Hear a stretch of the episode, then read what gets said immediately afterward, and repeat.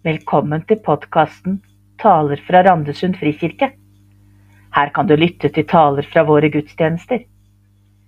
I denne episoden hører du pastor Unni Vestlis tale fra 13. mars over 2. Samuels bok. Talen er en del av vår taleserie over bøker fra Det gamle testamentet.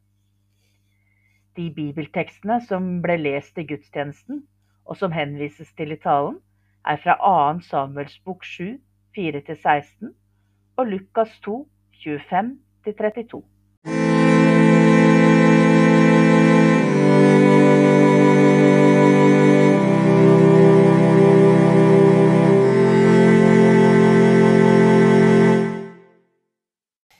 En av de tingene som, eh, som Jostein og jeg har tenkt at vi skulle ønske oss at ble et resultat av denne taleserien over Bibelens bøker som vi har, eh, er eh, at dere kanskje skal få litt mer lyst til å åpne opp Bibelen og lese mer. Lese litt sammenhengende. Se litt hva som står der. Eh, og om dere ikke kan lese, lytte til, eller altså, syns det er vanskelig å lese, lytte til lydbok på en eller annen måte. Men altså, altså få litt mer åpne opp Bibelen litt mer selv. Og jeg tenker, Hvis dere tenker å, Gamle testamentet, det er tungt. Og der står det mye rart, og det gjør det. Eh, og så er det litt slitsomt å lese Gamle testamentet, for det er så mye slektslister, og så er det så mange rare ting hit og dit. og sånt. Begynn å lese Samuelsbøkene. Samuelsbøkene eh, har masse historier. Fortellinger om mennesker, fortellinger om, eh, om livene, hva som skjer for noe. Eh, og den er faktisk ganske interessant og ganske lett å lese. Så det er min anbefaling. Begynn å lese Samuelsbøkene. Eh, og så er det også sånn at disse bøkene, og da kanskje spesielt den vi skal ha for oss i dag, 2. Samuels bok, har noen avsnitt som er ganske avgjørende for oss for å forstå Det nye testamentet. Mange bilder som brukes i Det nye testamentet, ord, vendinger, måter ting er sagt på i Det nye testamentet, som er knytta til ting som sies i 2. Samuels bok. Eh, og Det skal jeg komme litt tilbake til etter hvert. Men jeg tenkte først få, at vi skulle få litt oversikt over boka. Eh, og 2. Samuels bok handler i hovedsak om Ikke bare i hovedsak. 2. Samuels bok handler om kong David. Eh, og hvordan Gud gjør hans navn stort. Eh, og I Bibelen så står det om David at han var en mann etter Guds hjerte.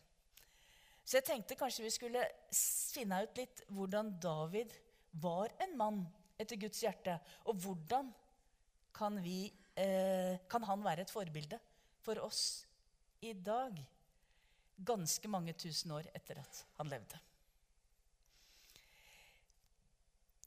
Eh, bare for å få bakgrunnen. I første Samuels bok så hører vi om hvordan den første kongen, som var blitt eh, salva av Samuel, Saul, blir forkasta av Gud etter å ha gjort imot hans vilje. Eh, og ved profeten Samuel en gang til så salver Gud David til ny konge. Og så handler boka etter det mye om stridighetene mellom Saul og David, som etter hvert må leve som en fredløs i ødemarka med sin hær. Og så avsluttes første Samuels bok med at Saul og hans sønn Jonathan dør i krigen. Og der første Samuels bok slutter, så begynner annen Samuels bok. Saul og Jonathan er død, og David får budskap om det. Og det er starten på, første, på annen Samuels bok. Sånn at Når annen Samuels bok handler om David, så handler det om David som konge. Det handler om kongedømmet til David i Israel og Juda. Og David, David er jo regna som den store kongen i Israel. Han som de snakker om, han som var den mektige kongen, han som eh, på en måte står til alle tider. Og når jeg leser annen Samuels bok, så er det fort for meg å tenke Å? Er han det? Eh, for den boka den handler veldig mye om opprør mot David. Eh, fra etterkommerne fra Saul, fra andre nasjoner, fra hans egne sønner. Og når jeg leser boka, så handler det om kriger, og det handler om konflikter, og det handler om stridigheter og problemer. Og så tenker jeg, var dette den store kongen? Men så må jeg tenke meg litt om. Og så forstår jeg jo at dette egentlig bare er en liten del av historien. Eh, I 2. Samuels bok 5 så står det David var konge i Israel i 40 år. Det er ganske lenge. Fra han var 30 til han ble 70 omtrent. Eh, og mye av denne tiden så var det, om ikke fred For jeg tror det stadig vekk var stridigheter, måter om man måtte sikre grensene mot naboland og fiendtlige, eh, fiendtlige nasjoner rundt seg, stammer rundt seg. Eh, men det var i hvert fall ikke så mange indre konflikter hele tiden. Men det er kanskje ikke så innmari mye å skrive om i en historiebok. Så levde de i fred og fordragelighet, og alle spiste og drakk og var glade. Altså, det, det blir ikke historiene ut av det. Eh, det står i noen små avsnitt. I noen små avsnitt så står det om at David fikk sønner. Og av og til et lite ord om at han fikk noen døtre også. Eh, det står om at han eh, inngikk allianser med folkeslagene rundt omkring seg. Som oftest ved å gifte seg med en eller annen prinsesse i disse landene. Og så er det et litt større avsnitt om hvordan paktens ark blir ført i Jerusalem. og Det skal jeg si litt mer om etterpå. Eh, men ellers er det altså krigene og konfliktene som skaper de historiene som det er verdt å skrive om. Og som vi i ettertida får kjennskap til. Og så er det jo også sånn at det er nettopp disse, disse eh, hendelsene som bekrefter David som den store kongen. Som seierherren over alle sine fiender. Som den som befesta landet. Boka forteller oss en del om Davids kriger mot nabofolkene og andre stammer. Som filisterne, ammonittene, jebusittene, noen andre også. Eh, og det bekrefter jo kongedømmet hans. Det sier jo han nedkjempa de andre. Kongedømmet ble stort, riket var sikkert. Eh, og så skal ikke jeg si så innmari mye mer om disse avsnittene i denne boka. Men boka forteller også mye som jeg allerede har sagt, om indre stridigheter i Israel. Og i Davids egen familie. Og de skal vi se litt nærmere på. For de forteller oss ganske mye om hvem David egentlig er. Altså, David var konge i 40 år, står det. Men han var ikke konge over hele Israel i 40 år. I de syv første årene etter at Saul var død, så var David kun konge over Juda. Det er én stamme av de elleve stammene i Israel. Og Da kan vi se at allerede i oppstarten av Davids store kongedømme så ser vi noe av kimen til det som en gang ble en deling av Israel i to riker. Etter Salomos død, altså Davids sønn sin død, etter at han hadde vært konge, så ble riket delt i to. Og da var det Juda, så var det resten av Israel. Og Det ser vi kimen til allerede i oppstarten av Davids kongedømme. I noe av det som står i 2. Samuels bok. Greia er jo at David var av Judas stamme. David tilhørte Judas stamme. Og Judas stamme tok han til sin konge.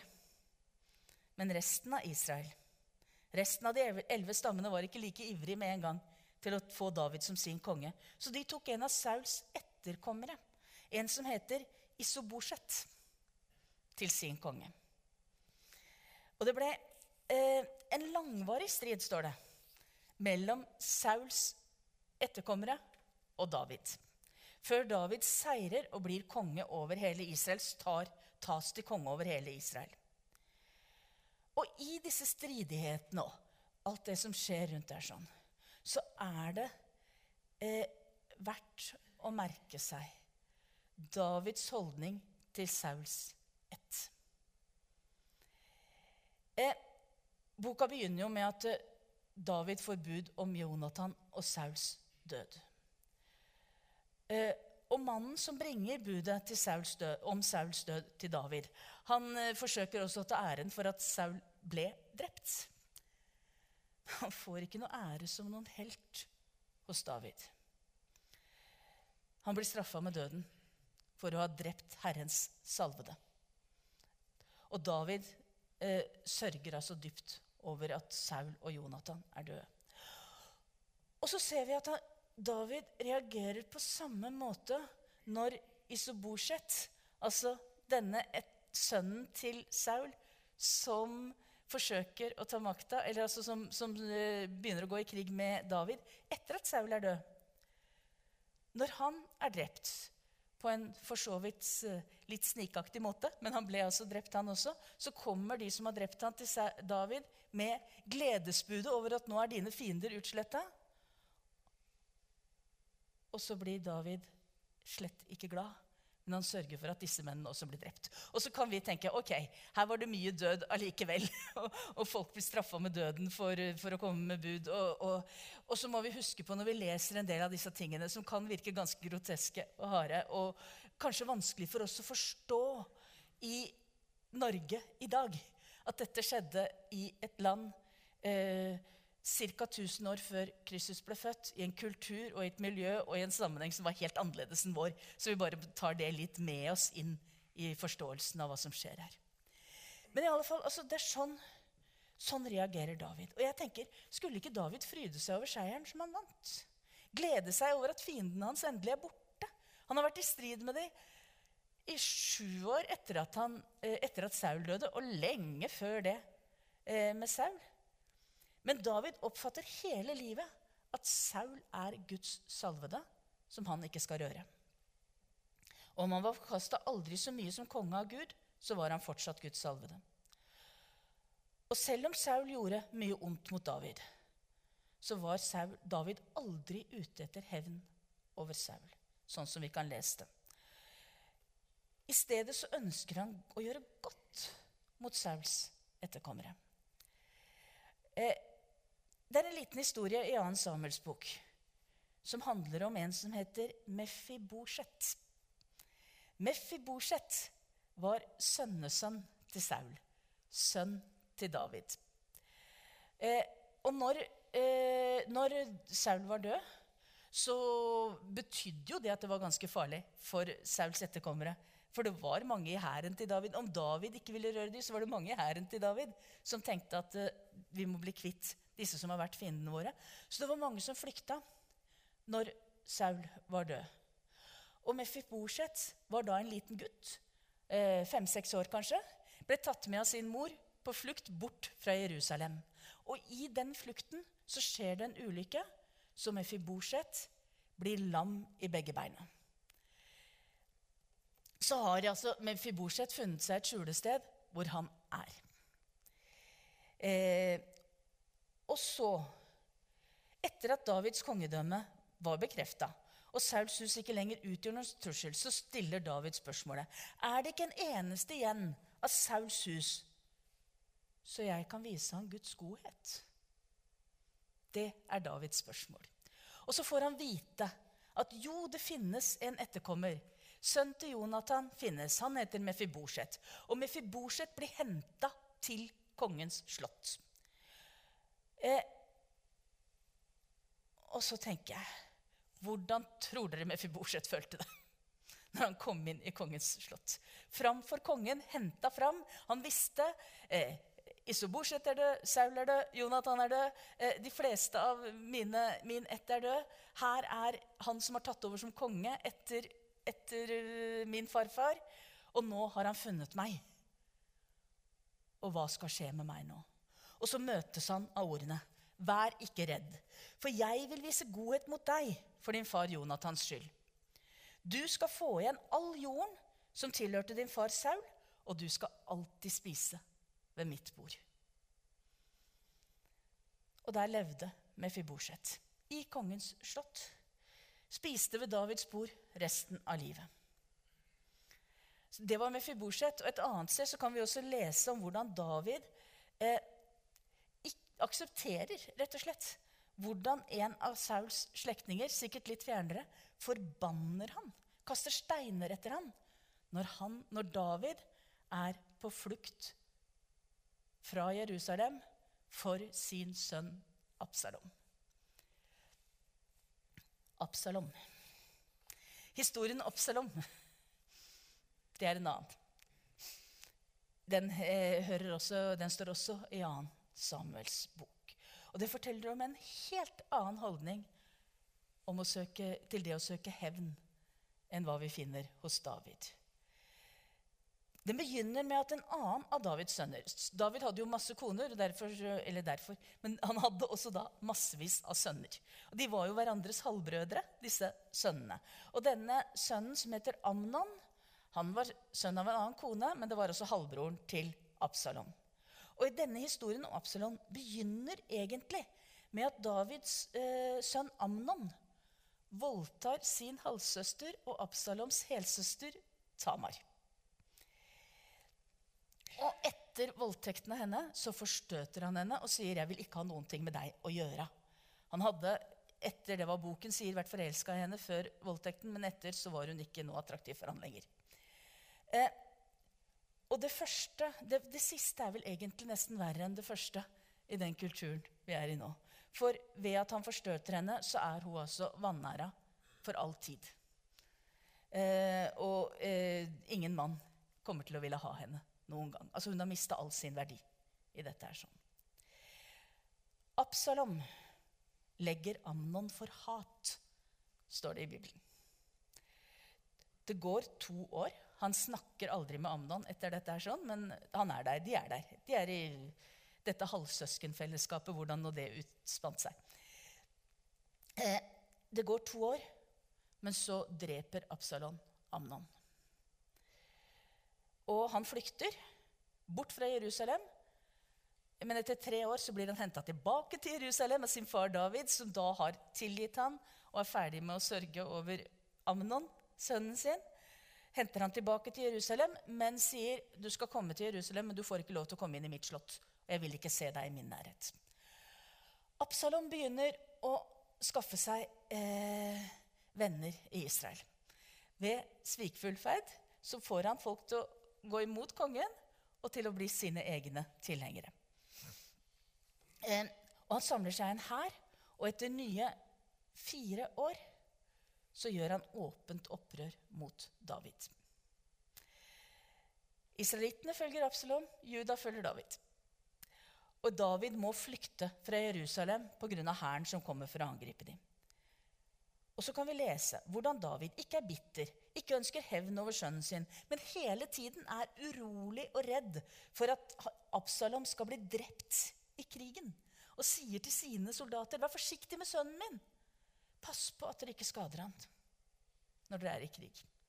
Det er jo ikke sånn det går. Absalom blir drept. Og David sørger dypt over tapet av denne sønnen. En av de mange historiene som kan leses i, i 2. Samuels bok.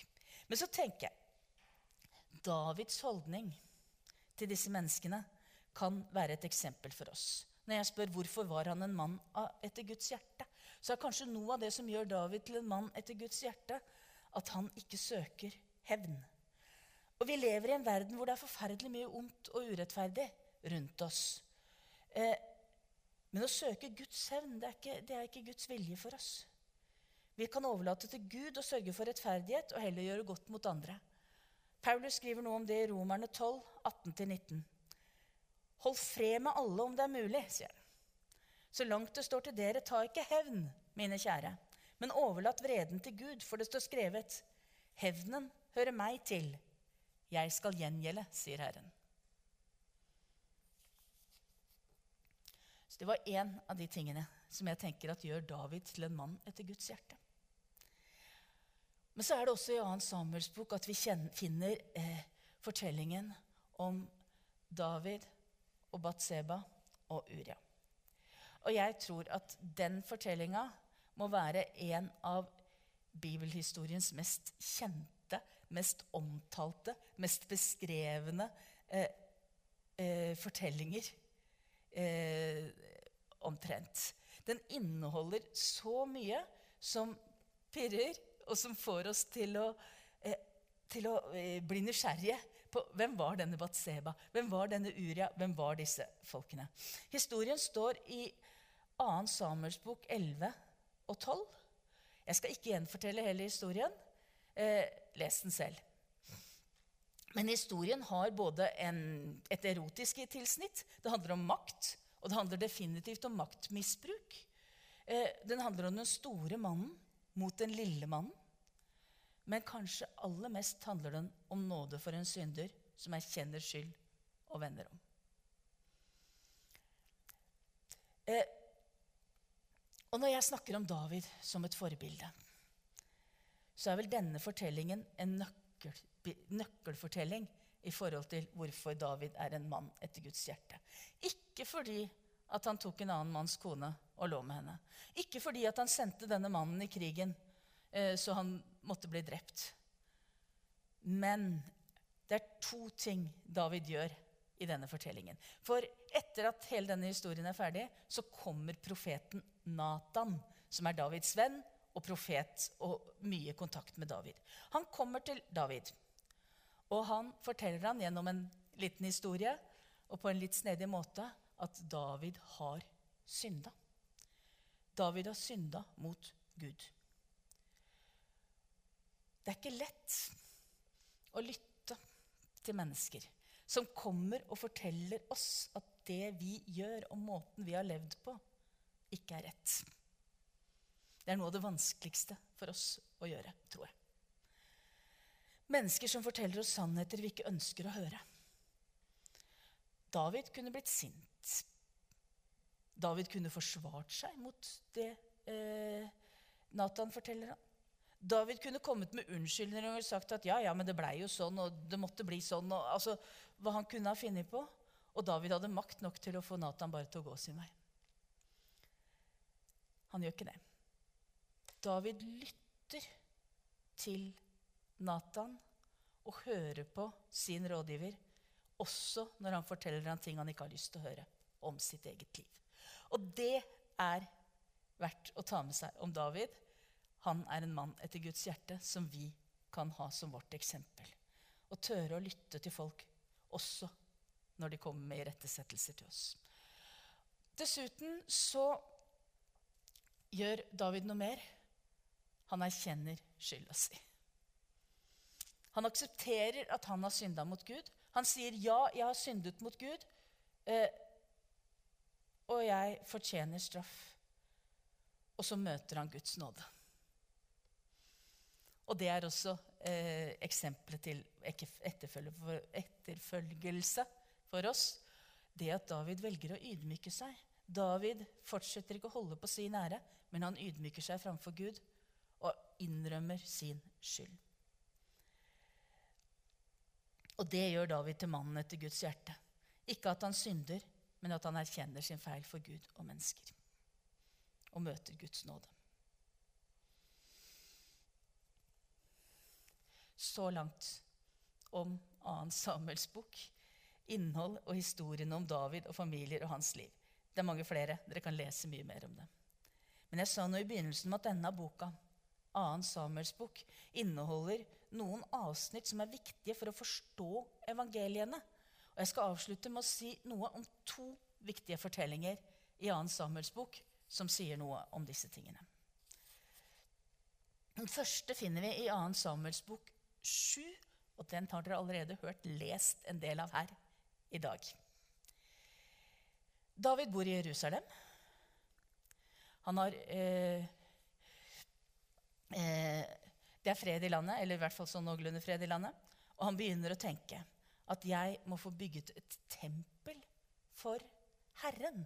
For det er da ikke rett at jeg skal bo i et hus av sedertre, som det står mens Herren skal bo i et, i et telt. Og da kommer altså profeten Natan. Ja, den samme som kom når, Batseba, eh, når David, hadde, David, og Batseba hadde synda.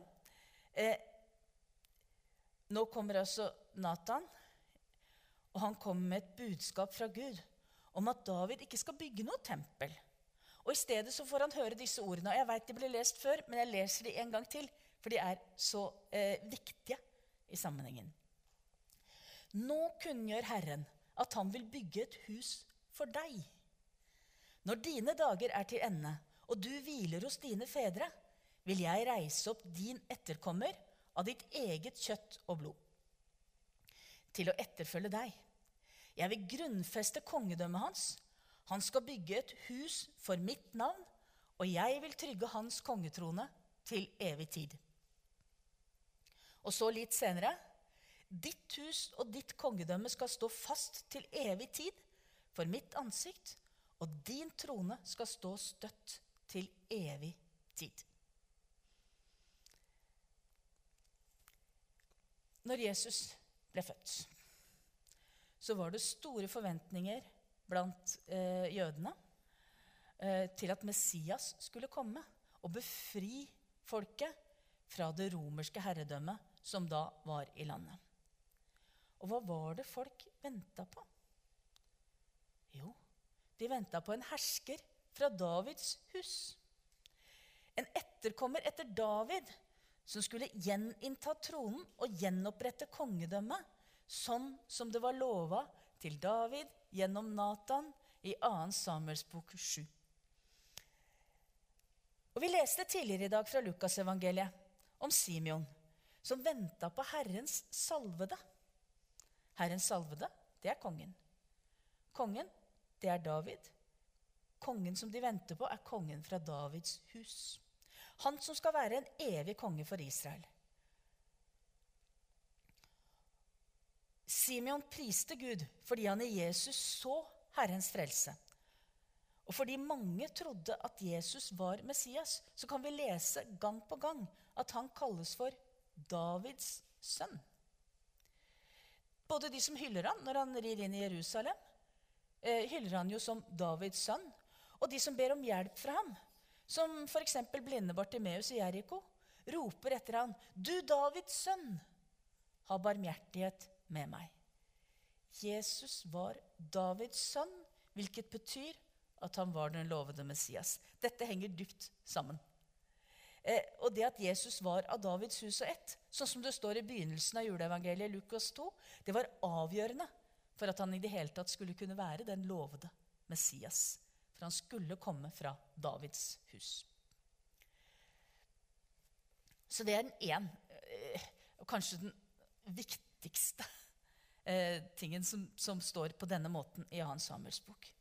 Eh, men så er også 2. Samuels bok boken hvor det fortelles om hvordan David inntok Jerusalem. Det var litt før dette, dette Nathan kom til ham og ga han denne profetien angående tempelet. Så erobret altså David Jerusalem fra jebusittene som bodde der. Og hvem disse jebusittene var, er det ganske stor usikkerhet om. Men det er en del som tenker dette var et eget folkeslag som ikke finnes lenger. Men de bodde altså i Jerusalem, eide, eller hadde herredømme over Jerusalem. Da israelittene inntok landet sånn som det er beskrevet i Josefas bok, så tok de veldig mye, det aller meste, av det som var blitt lova Abraham en gang. Men ikke Jerusalem. David inntar Jerusalem. Han kaller den Davidsbyen, og han gjør det til sin hovedstad. Og Dit førte han også det som da kalles paktens ark. Paktens ark. Det er også den kista som inneholder jødenes aller mest hellige ting. Annet eh, steintavlene med de ti bud. Og arken var den helligste av alle gjenstander som fantes i Israel. Og den representerte Guds nærvær blant israelittene. Der paktens ark befant seg, der var Guds nærvær aller sterkest blant israelittene. Eh, og i og med at arken fikk sin faste plass i Jerusalem, så ble Jerusalem den hellige byen. Der hvor Guds bolig var. Og dette kan vi jo lese om om igjen og om igjen utover i Det gamle testamentet og inn i Det nye testamentet. Hvordan Jerusalem er den hellige byen, den evige staden, Guds egen by. Helt fram til Johannes' åpenbaring kan vi lese om det. Der det står om at det nye Jerusalem skal komme ned på jorden, det innebærer rett og slett Guds bolig kommer ned til jorden og er blant menneskene. Og Dette er altså utgangspunktet i 2. Samuels bok. Og så fortelles det at det første forsøket på å føre arken til Jerusalem, så døde altså en av disse mennene som var med å føre arken eh, mot Jerusalem, fordi han rørte ved denne kista. Litt uforståelig hvorfor det er sånn, men det har noe å gjøre med at Gud er hellig og ren. og bare kunne være nært det som var hellig og rent. Og Derfor hadde ingen lov til å røre ved denne kista, som representerte Guds nærhet og Guds, eh, Guds nærvær på jorda. Eh, derfor så ble jo også arken, når den først kom til Jerusalem, plassert inn bak forhenget i det aller helligste i tempelet, dit bare yppersteprestene kunne gå én gang i året.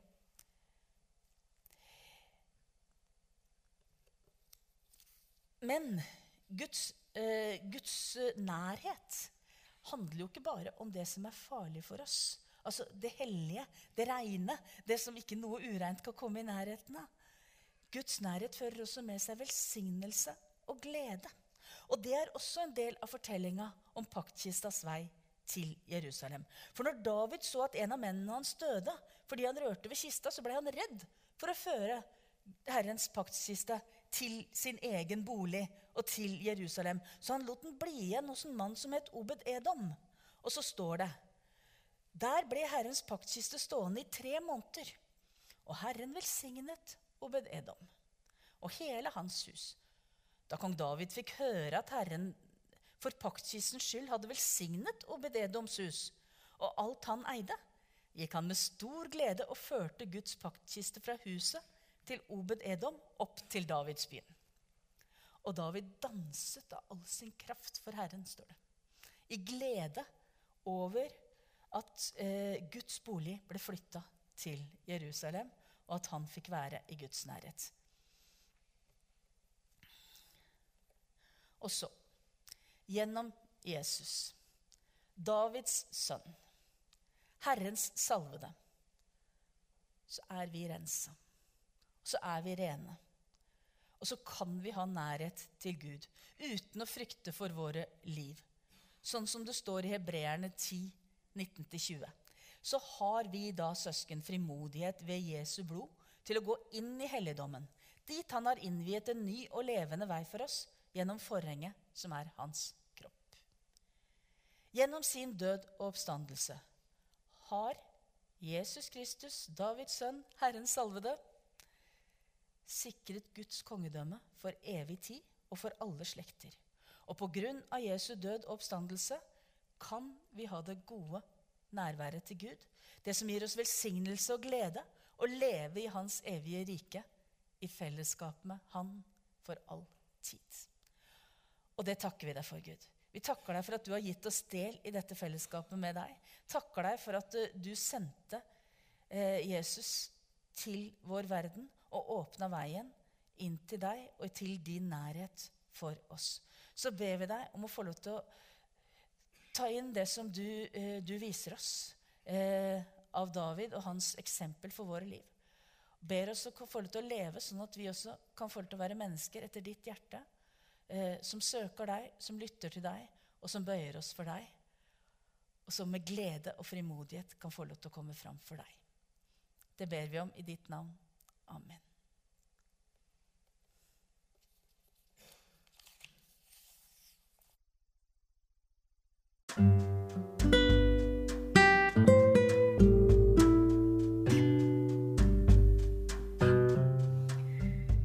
Du har nå lyttet til en tale i taleserien om bøker fra Det gamle testamentet fra Randesund frikirke. Du finner flere taler i samme serie på det samme stedet der du fant denne.